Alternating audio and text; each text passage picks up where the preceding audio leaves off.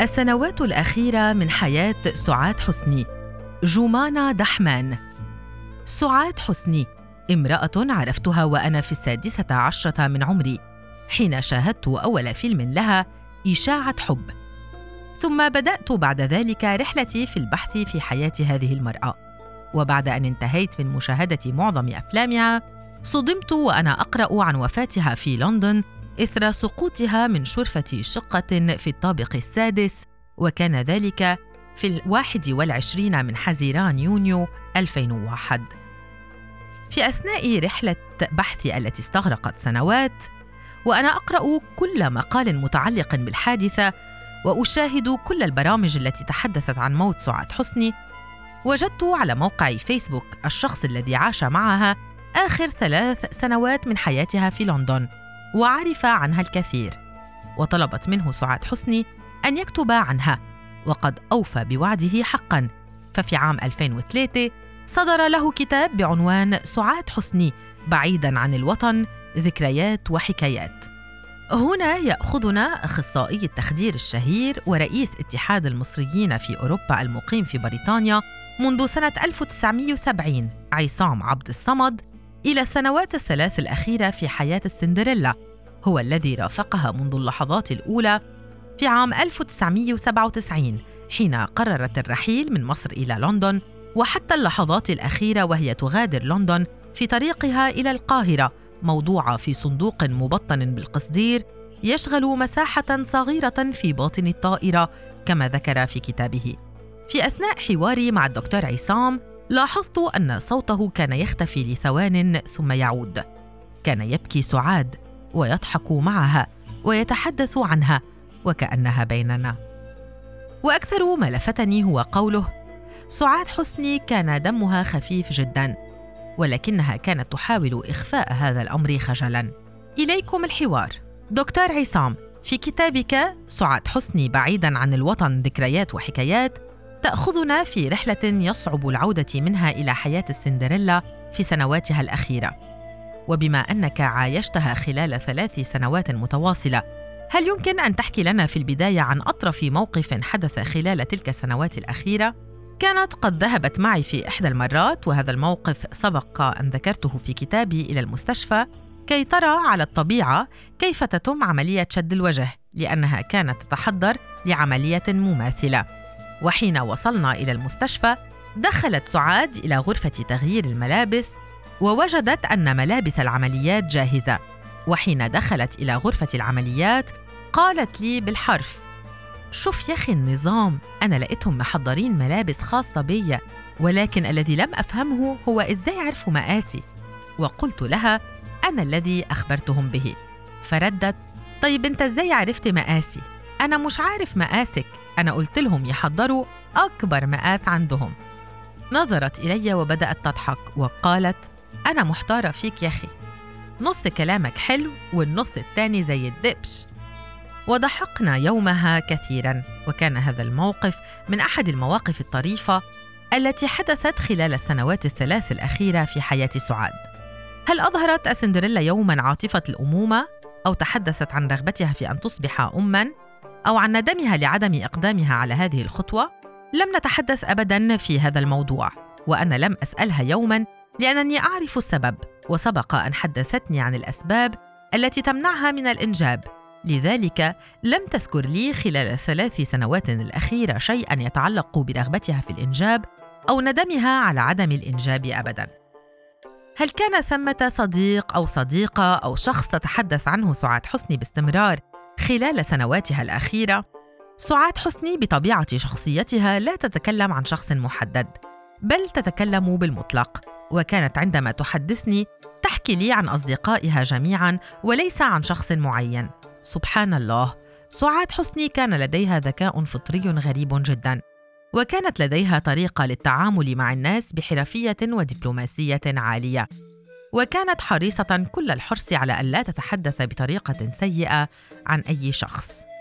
صفة كنت تلحظها في سعاد حسني في أثناء الجلسات أو حين تتعرف إلى أشخاص جدد.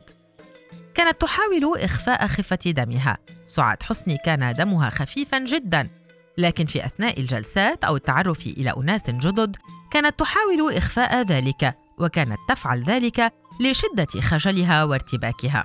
ما أكثر ما كان يؤرق سعاد حسني ويسبب لها الحزن. كلام الناس. كلام الناس كان أكثر ما يجرح سعاد حسني ويؤرقها ويعذبها في سنواتها الأخيرة. ما هو أكثر شيء كان يخفف عن سعاد حسني ويساعدها على تخطي ظروفها الصعبة التي مرت بها خلال السنوات الأخيرة؟ الضحك والدعابة. أكثر ما كان يفرح سعاد حسني هي الدعابة وكانت تحب الضحك كثيرا. والأكل. في أحد اللقاءات تحدث أصدقاء الراحلة سعاد حسني عن حبها الشديد للأكل وعن أنه كان من الأسباب التي تجعلها سعيدة. لا، سعاد لم تكن تحب الأكل، بل كانت تحب أن تطبخ، وهناك فرق.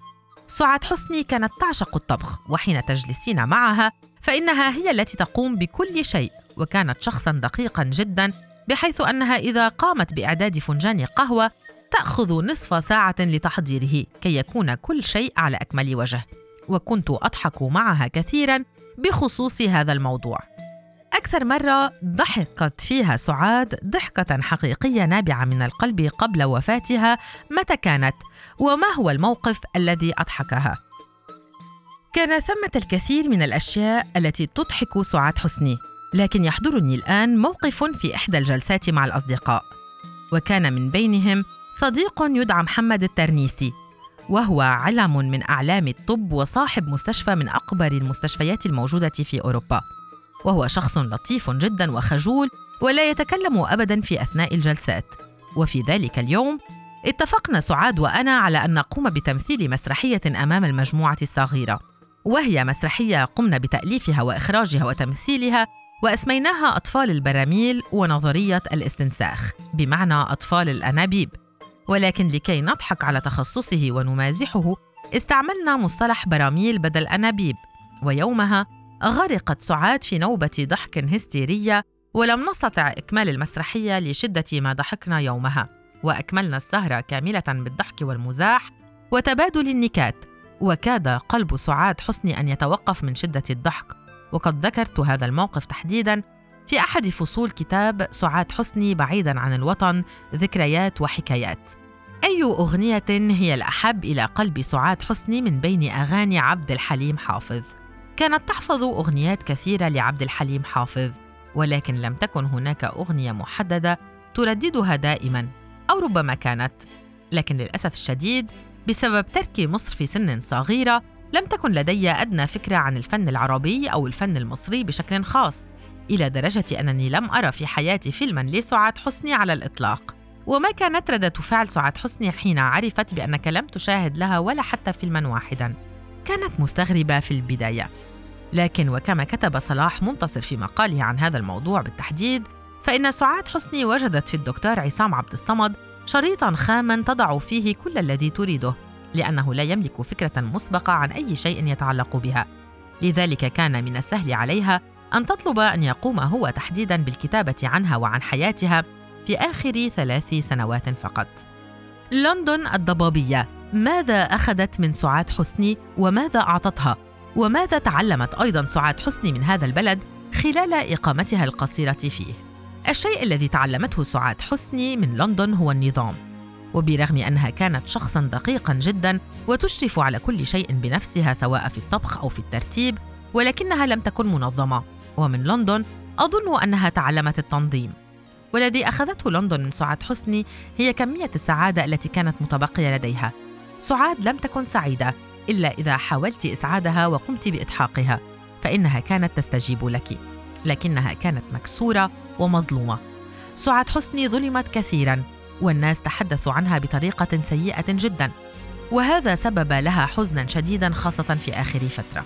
هل ذكرت يوما سعاد حسني جملة من رباعيات صلاح جاهين الذي كان بمثابة الصديق والأب الروحي لها أو ذكرت شيئا من أشعاره تعبيرا عن حالة معينة أو ردة فعل على موقف ما طوال الوقت كان صلاح جاهين حاضرا معنا. كانت تتحدث عنه دائما وعن لقائهما الأول وكيف تعرفت إليه حين كانت في زيارة إلى موسكو لحضور أحد المهرجانات. وكان صلاح جاهين هناك أيضا لكن بقصد العلاج. وكانت تحكي لي كيف شعرت من أول نظرة أنه سيكون بمثابة الأب الروحي لها وكانت تحفظ له جميع أشعاره وترددها باستمرار وبشكل دائم وكانت تحاول أن تحفظني بعضا منها أيضا. أخيرا ومع اقتراب ذكرى رحيل المرأة الرهيفة والودودة الرقيقة التي يصعب التعامل معها في بعض الأحيان لشدة حساسيتها كما وصفتها يوما في كتابك سعاد حسني بعيدا عن الوطن ذكريات وحكايات. ما كنت لتقول لها لو أنها تسمعك الآن؟ أقول لها خمسة أشياء. اولا أبعث لها سلامي وأقول لها إزيك يا سعاد؟ أنت سمعاني أنا بكلمك زي ما بكلم والدي ووالدتي ربنا يرحمهم. وفي اعتقادي أن الشخص الميت يسمعنا وهو شخص موجود لكن في مكان آخر وسعاد موجودة معي دائما. ثانيا أقول لها لقد فعلت ولبيت جميع طلباتك مثل ما وعدتك. وكما طلبت مني وكتبت عنك برغم أني لست كاتبا وطلبت مني أن أزور قبرك في كل مرة أزور فيها مصر وهذا ما فعلته وسأظل أفعله. ثالثا وهو ما يخطر على بالي دائما وهو أن علاقتنا يا سعاد لم تنتهي ابدا ولن تنتهي حتى بعد وفاتك. أنت موجودة دائما في ذاكرتي ووجداني وأنا لن أنساك حتى القاك وأنا أعني ذلك. رابعا أريد أن أقول لها ألا تزعل من أي شخص. وأيضا أقول لها أنت يا سعاد اتظلمت في الدنيا كثيرا. وأذكر حين قلت لي إن ثمة مكافأة كبيرة في الآخرة للأشخاص الذين ظلموا في الدنيا. وستأخذين مكافأتك من عند الله. وآخر شيء أقوله لها هو أنني زعلان منك جدا يا سعاد لأنك تركتيني ورحتي من دون كلمة وداع. وشكرا.